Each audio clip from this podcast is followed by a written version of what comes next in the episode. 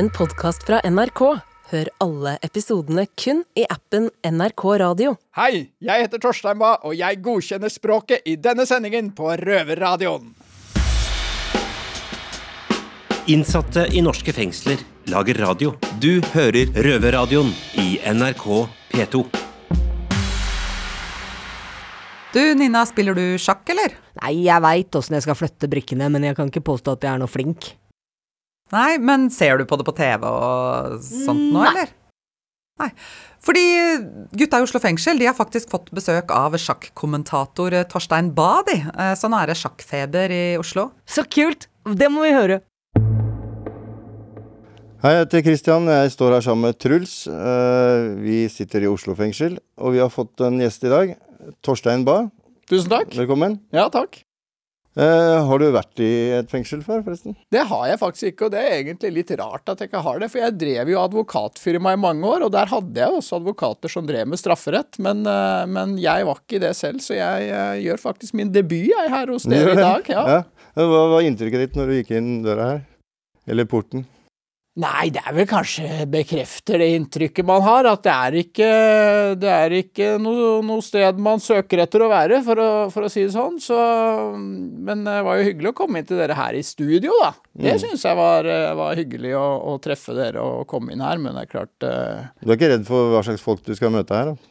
Nei, det er jeg egentlig ikke, og det henger nok så, så sammen med familiebakgrunn. At faren min var jo også advokat og drev med strafferett, så han, og han drev jo med det alltid. Og, og derfor så gjennom oppveksten også så traff jeg jo mange av hans klienter og folk han hjalp og sånn, så jeg har ikke noe ja, jeg tror jeg har et, eh, et rimelig bra bilde av hvordan folk som sitter inne her, og har ikke noe bekymringer for det. Du kjenner mange kriminelle, med andre ord?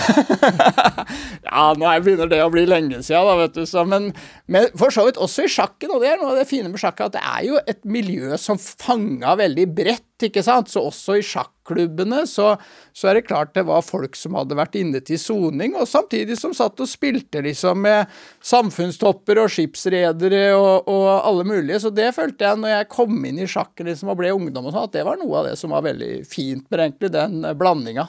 Okay, Er det noen som spiller sjakk sånn aktivt nå på, som vi ser på TV, eller som har sittet inne eller hatt en kriminell fortid? Nei, jeg vet ikke om noen av de vi ser på TV Der er det jo mest internasjonale spillere, så du skal aldri si aldri. Men eh, Magnus tror jeg i hvert fall ikke som jeg vet om har vært inne til soning foreløpig. Nei, det tror ikke jeg heller. Eh, mens vi er inne på kriminelle sjakkspillere, så har vi jo i hvert fall hatt en, eh, en høyaktuell kommentator på TV i sjakk. Kanskje vi spør litt om det, Kristian? Ja, David Toska. Ja, ja. Eh, hva, hva, hva tenkte du egentlig når han skulle begynne å kommentere sjakk på TV? Ja, jeg, jeg har treff, kjente, jeg, jeg, kjente, men jeg spilte jo i samme turnering med Tosca også, da han var barn, og var jo blant de beste unge spillerne i, i Norge i, eh, i Oslo Sjakkselskap eh, den gangen. Og, og har jo et spesielt berømt parti mot en annen ledende norsk spiller som heter Helge Nordahl. Så, så eh, jeg visste jo at han var en veldig god spiller. Og så når dette ble annonsert, at, at Oskar skulle være med, så ble det jo veldig mye reaksjoner på det, ikke sant. Og det syns jeg var en litt vanskelig sak, fordi på den ene side så syns jeg det var storveis at, at TV 2 tok eh, ansvar på en måte og tenkte OK, la oss bruke Tosca, som er en, en kjent person og som har gjort opp for seg, ikke sant. På den annen side så skjønte jeg også litt de, de folka som da følte at denne sjansen får Tosca fordi han har gjort det han har gjort, ikke sant. At det var liksom ikke det at han var så god i sjakk at han ble invitert pga. det. Eh, og at han måte Folk følte at han var liksom blitt litt sånn kjendiskriminell, og det var derfor han, han liksom satt i, i TV 2 Studio og fikk den, den rollen. Men jeg, jeg tenker fortsatt at det er en veldig sånn interessant debatt rundt det der, på en måte, om man liksom skal klare å ta folk litt uh, Altså tenke sånn OK, han På en måte så har han det, får han den jobben fordi han har gjort det han har gjort, og samtidig hvis vi da skal ta folk med alt de er, på en måte, det, det, det gode og det onde, og det bra man har gjort og det dårlige man har gjort, så må man kanskje, kanskje tenke at OK, da, da kan vi likevel eh, ha han med der, men eh, Men han, eh, redaktøren her i Røverradio har jo snakka med han, og han sa han syntes det var veldig slitsomt å kommentere den sjakken. Så han, Mm. han sier han har fått stor respekt da, for de som kommenterer sjakk på TV. Ja. Blir du ikke sliten, du? Jeg blir sliten etterpå, men, men så lenge det står på, så, så syns jeg det er veldig moro. Men faktisk så, så sa kona til meg sist uh, For etterpå så ble jeg sjuk, og da sa kona til meg ja, det blir du jo hver gang. Blir du sjuk etterpå. Så jeg tror det er litt sånn påkjenning selvfølgelig når du sitter så mange timer, og, og det er jo veldig intenst. Men jeg syns jo det er veldig moro, ikke sant. Og det er utrolig hva man kan orke når man koser seg og har det moro og sånn. Men uh, lufta kan gå litt ut av ballongen uh, når du er ferdig. Eh, da har vi snakka litt om eh, sjakk og jobb. Eh, skal vi snakke litt om din nye jobb, kanskje? Ja, flott. Du har fått deg en jobb i Flyktninghjelpen. Ja. Stemmer. du var en advokat med god lønn, men slutta å jobbe for å begynne å jobbe med eh, flyktninger. Eh, vi som er røvere, vi er jo veldig glad i penger, ryktes det. Eh, og vi har ikke helt innsikt i hvordan dette med idealisme funker i arbeidslivet. Men vil du snakke litt om det? Hvorfor ja. Flyktninghjelpen? Hvorfor akkurat nå, eller bare hvorfor punktum? Ja, nettopp. Ja, det er flotte spørsmål. Og for å si det først, det er ikke så mange som vet hva Flyktninghjelpen er egentlig. Men vi er da en stor global humanitær organisasjon som har 16 000 hjelpearbeidere i over 40 land. Men det er som sier at etter jeg hadde jobba som leder i advokatbransjen i, i nærmere ti år, så følte jeg at jeg var litt mett på det. Så det er klart, det å drive business er å drive business. Og selv om vi for så vidt uh, syns jeg hadde en bra misjon der også, med å prøve å hjelpe vanlige folk med deres uh, vanlige problemer, om det er boligkjøp eller skilsmisser eller, eller, hva det skulle være, så var jeg på en måte litt mett av nettopp, som du sier, å tenke såpass mye på penger hele tiden da, som man må hvis man driver en business. Og så har jo jeg fortsatt en vanlig jobb og en vanlig lønn, ikke sant, så det er ikke at jeg lider noe, noe nød heller, bare for å si det, men, eh, men, det er riktig at jeg har ikke liksom jeg har ikke den lønna som man, eh, man har liksom som leder, som advokat og sånn. Men nå, nå, har ikke jeg liksom Jeg har aldri vært ute etter å ha noe palass i Nis eller Saint-Tropez eller, eller, eh, eller, hytte på Sørlandet eller sånne ting. Eller, jeg føler ikke derfor at jeg liksom Jeg trenger på en måte ikke å ha veldig høy lønn heller. Men da, da, går vi litt over til sjakken igjen. For, for, du har jo spilt sjakk i eliten. Og når du er storspiller da, i en så stor eh, sport, uh, er det noen spillere som stikker seg ut, sånn, som du mener Ja, tenker du historisk da ja, også? Litt, nei, Som liksom skiller seg ut med litt sånn klokker og biler og Ja, ja, ja nettopp. Ja, det er jo ikke så mye bling-bling som det er med Erling Haaland, da, for å si det sånn. Nei. Men, men jeg vet ikke om noen altså, Magnus, eh, Magnus skiller seg jo ikke ut med noe luksusforbruk, sånn jeg har sett det på noen som helst måte, men det er klart han jetsetter jo litt, og er liksom i California og gjør ting der, og så er han her, og så er han der, som, som han gjør når man er stjerne, liksom. Men det kan være litt sånn eh, en kultur i sjakken, og at jeg tror ikke hvis du liksom eh, driver veldig mye og viser fram de nye klokkene dine og sånn, kanskje det blir litt sånn teit, fordi at tross alt så er det jo en hjernesport, da. Ja, altså, vi, vi har, det, det vi lurer, lurer litt på de forskjellige personlighetene her. Da. Ja. Vi vet jo at en, en, er jo gift med en veldig rik dame, f.eks. Og vi har jo Jon Christian Harr som kommer hit hver andre uke og, og lærer oss sjakk på, ja, på, på, på gratis uh, basis. og bare fordi han vil hjelpe til litt. Da. Ja, så er det noen, ja, kjempefint, ikke sant. Ja, ja. Uh, er det noen uh, av disse store stjernene som skiller seg litt ut som personlighet, eller er det en sjakkspiller, en typisk sjakkspiller? Nei, de, absolutt at de skiller seg ut. Og noen er jo veldig sånn går, liksom lever i sjakken som, eh, som ukraineren Ivansjuk, ikke sant. Som, som uh, du virkelig ser alltid liksom det kverner rundt i hodet på han non stop døgnet rundt. Mens andre jo er mer sånn, sånn liksom vanlige folk som du kan prate med, på en måte. Mm.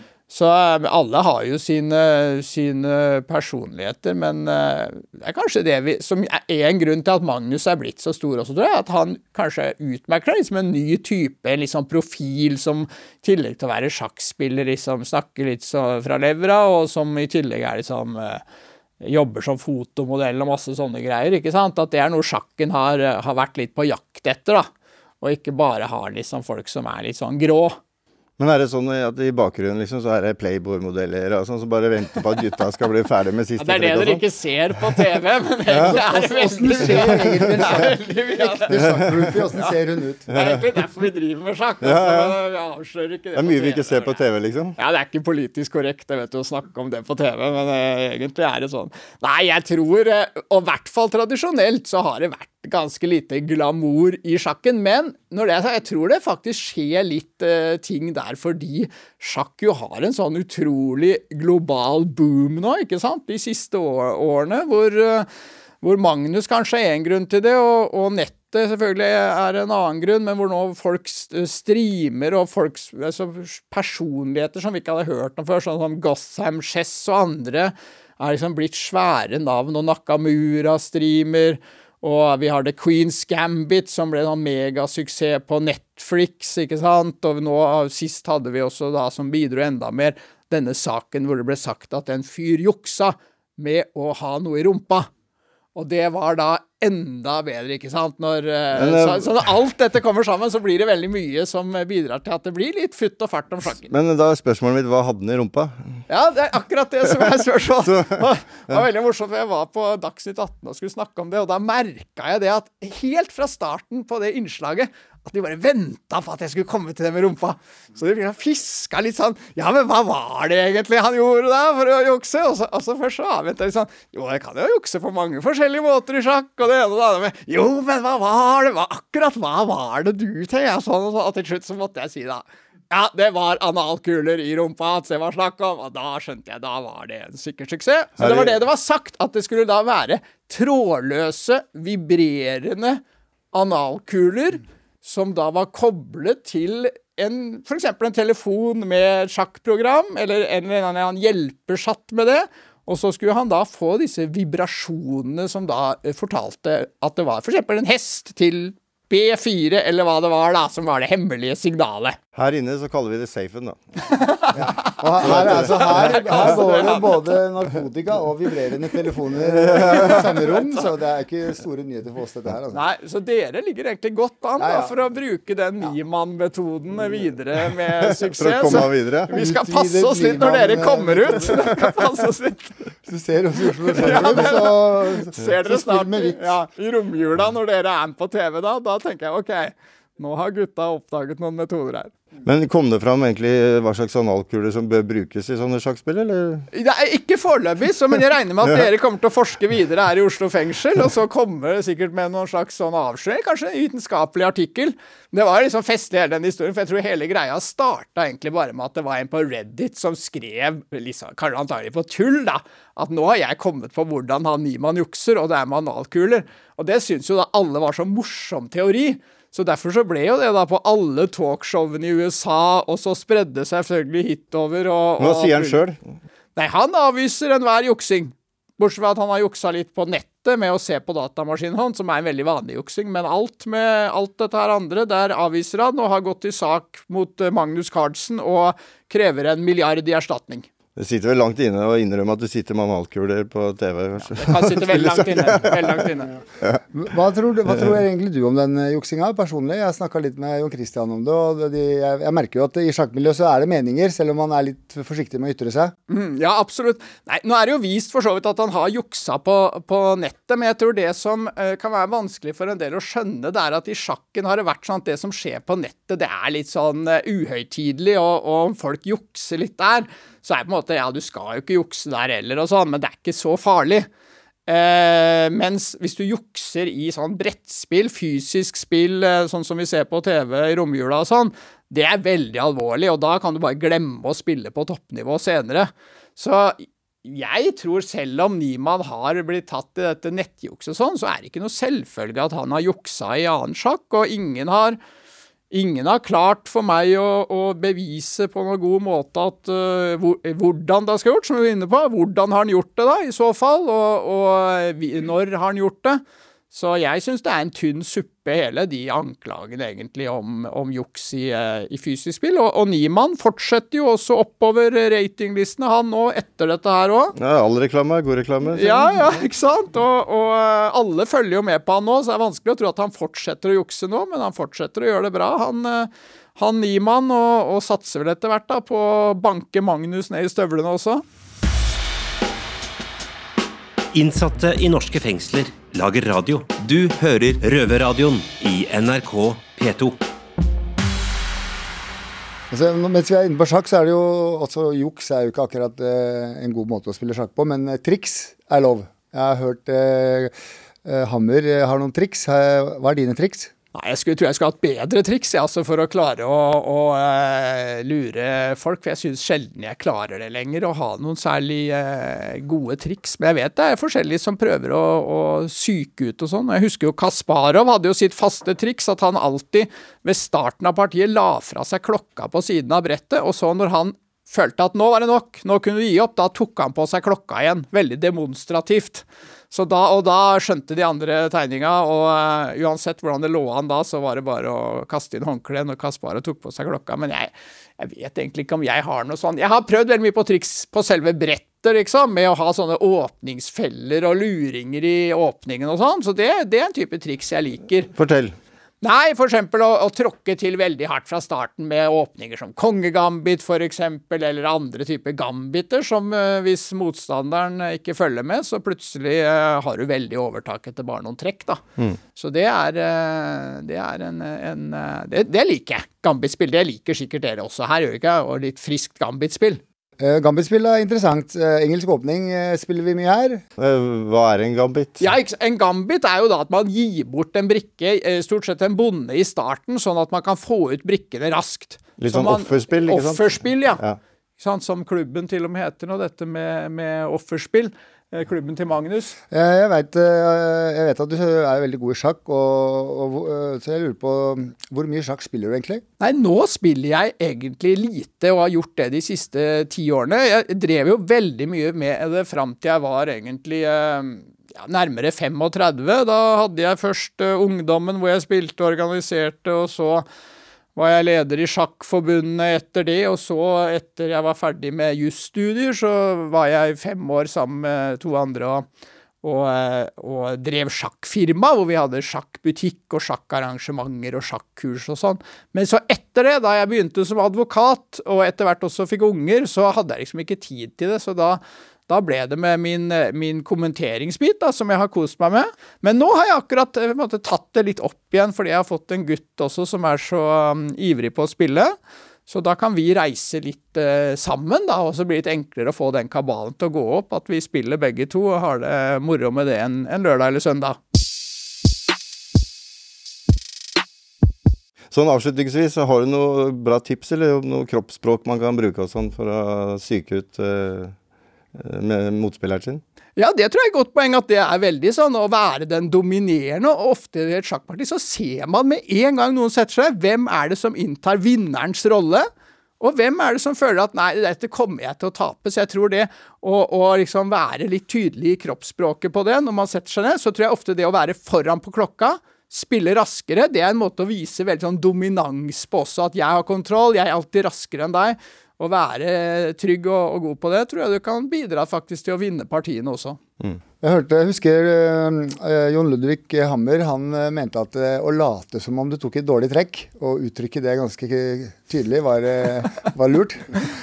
Ja, det er klart, hvis du, hvis du prøver å, å få motstanderen til å tro det er en tabbe og sånn, og så er det egentlig et, et, bra trekk, så det er sånne ting man kan bruke. Det er litt sånn i grenseland, ikke sant, hvis man er veldig eh, sukker og stønner og, og spørs om motstanderen kjøper det også, men det går an å prøve seg. Mm.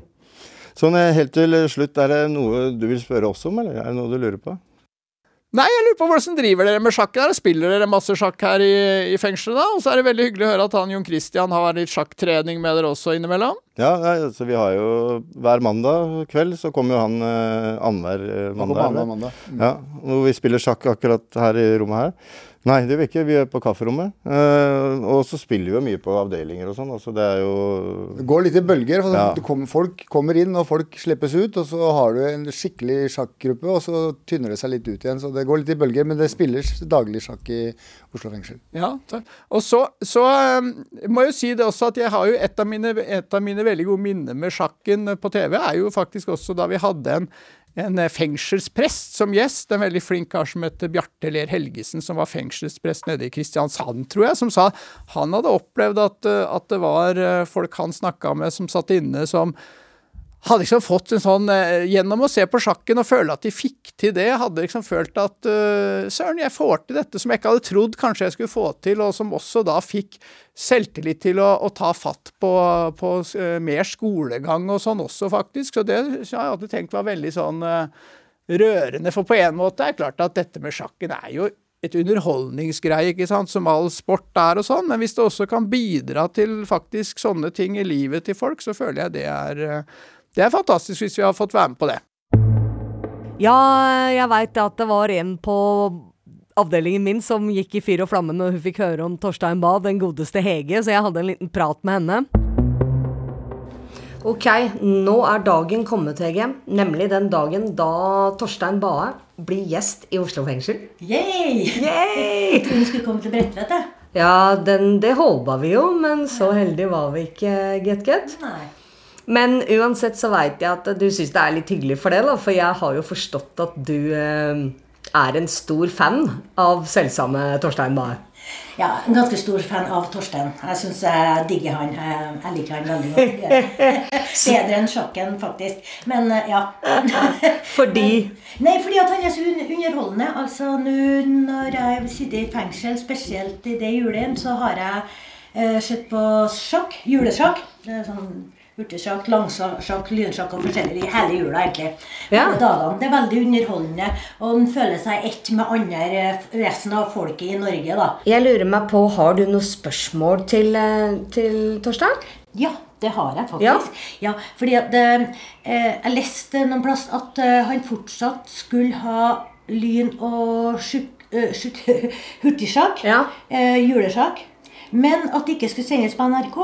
Så da lurer jeg på hvor sender han det? Og får vi som sitter i fengsel, til å se det på TV-en? Altså hvilken kanal? Ja, for vi har jo ikke alle kanaler her inne, så det får vi jo bare krysse fingrene og håpe for, da. Ja, Absolutt. Og også så tenker jeg det at eh, kanskje det går an å invitere en til B2 en gang, for å ha et kurs i sjakk, f.eks.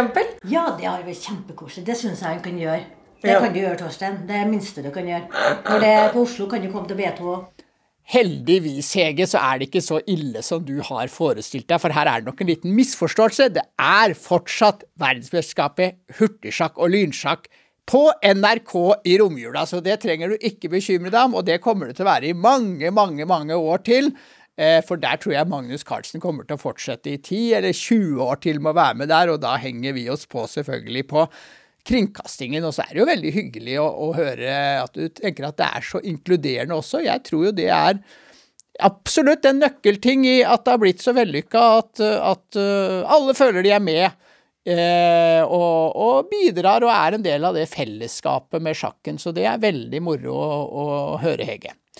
Eh, og så kommer jeg veldig gjerne selvfølgelig til dere på Bredtvet og, og har et lite kurs. Og bare, bare spør det når det skulle passe, så kommer jeg, og, og så koser vi oss med litt eh, sjakk og prøver å lære noen eh, nye triks og metoder som vi kan benytte i eh, senere durabelige dueller. Ja, eh, jeg og Truls vi er veldig glad i å spille sjakk, da, så vi vi har tenkt å høre med deg om ikke du kunne kommentere en match på oss, eller for oss eh, nå på slutten. Det har jeg veldig lyst til å gjøre. så Jeg gleder meg nå til å se denne durabelige duellen vi skal få her i Oslo fengsel. Er dere de to beste i Oslo fengsel, da? Garantert. Garantert, ja. Ok. Og da er vi klare da for denne historiske duellen i Oslo fengsel. Det er Truls som åpner med hvite brikker, og Kristian svarer. Og det er kongebonde E4, E5, og så er tenketiden ett og et halvt minutt for hver. Og eh, blir en nokså jevn stilling ut fra starten. Må huske å trykke på klokka, gutter. Hesten kommer ut nå, og begge har utviklet seg. Det er fortsatt uh, jevnt. Christian sliter litt nå, men spiller en uh, bonde. Så kommer et nytt bra utviklingstrekk der fra Truls, som har fått begge hestene ut. Satser på å få has på en bonde der, Christian. Men så kommer en gaffel, ja. Meget bra trekk der av uh, Truls, som får en gaffel nesten fra start. Ja, måtte gi fra seg løperen, men det var bra avgjørelse, det. Men mister det. Men dette er ikke kjørt, Christian. Det er bare å bite tenna sammen og spille bra trekk der med dronningen. Rokadetrekk, ja. Jevnt på klokka. Ett minutt omtrent for uh, begge to igjen. Spilt en tolv trekk. Veldig frisk trekk der av Truls. Sjakk, sier uh, Christian. Og hesten uh, kom ut der. Kommer hesten inn. Mister tårnet. Truls nå har overtaket i denne duellen i eh, Oslo fengsel på røverradioen. Eh, bonden eh, kommer fram, truer hesten, tar til nøler. Er det nervene som viser seg for Truls nå, da? Kommer hest, tar til hesten, ja. ja. Det er knapp tid nå. Sekunder igjen, bare. Løperen kommer. Kan bli tiden som blir avgjørende. Nå kommer løperen ut. Ja, går litt kortere. Løperen ut til E6. Det er helt uh, uavklart foreløpig, men det er et tårn ekstra, vel, for Truls prøver å blokkere den opp. Ja, nå kjører Kristian på med sitt angrep her på Det er veldig bra angrepsspill her på sida nå. Ene etter den andre. Men prøver å bli kvitt en av angrepsbøndene der, da, Truls. 36 sekunder nå. Litt mer for uh, Truls. Og uh, er det Truls som tenker nå, da? Spiller løperen ut, ja. Så gjelder det for Kristian å komme videre med angrepet. Har uh, har et tårn eh, mindre. Litt vanskelig faktisk å komme videre nå. Ja, gå på med en ny bonde, men eh, mister den. Men uh, hadde ikke så mye valg, kanskje, for å prøve å, å komme videre. Tårnet går ned. 22 sekunder bare, Christian. Litt mer for Truls, men også under 30 sekunder. Dette er jo et drama som går eh, VM hurtigsjakk og lynsjakk en høy gang, det vi ser i, i Oslo fengsel i dag. Tårnet kommer opp. Tårndobling der for begge. Eh, angriper. Ja, bra. Christian redda seg der med å lufte, så det blir ikke noe sjakkmatt som Truls hadde drømt om. Kommer inn, men nå er det bare sekunder igjen. Har et tårn og en, eh, en løper ekstra. Truls. Løperen kommer tilbake. Tårnet eh, redder, nøler, flytter. Har eh, noen sekunder, bare sekunder igjen. Begynner å pipe litt, til og med her, hører vi. Og eh, løperen, og der er tiden ute for Det blir Truls som vinner dette partiet. Gratulerer! Ja! Ja, gratulerer med seieren. Woohoo! Da er denne sendinga hva skal jeg si for noe? Sjakkmatt. Unnskyld. dårlig, dårlig ordspill. Ja. Denne sendinga er over. Vi i Røverradioen vi er jo tilbake neste uke på P2 klokken 14. Mm, eller på podkast når og hvor du vil. Hvis du ikke sitter i fengsel, da. Helt klart. Eh, ha det bra. Ha det. Røverradioen er laga for og av innsatte i norske fengsel tilrettelagt for streitinga av Klynge for NRK. Og redaktør i NRK er Ole Jan Larsen. Du har hørt en podkast fra NRK. Hør alle episodene kun i appen NRK Radio.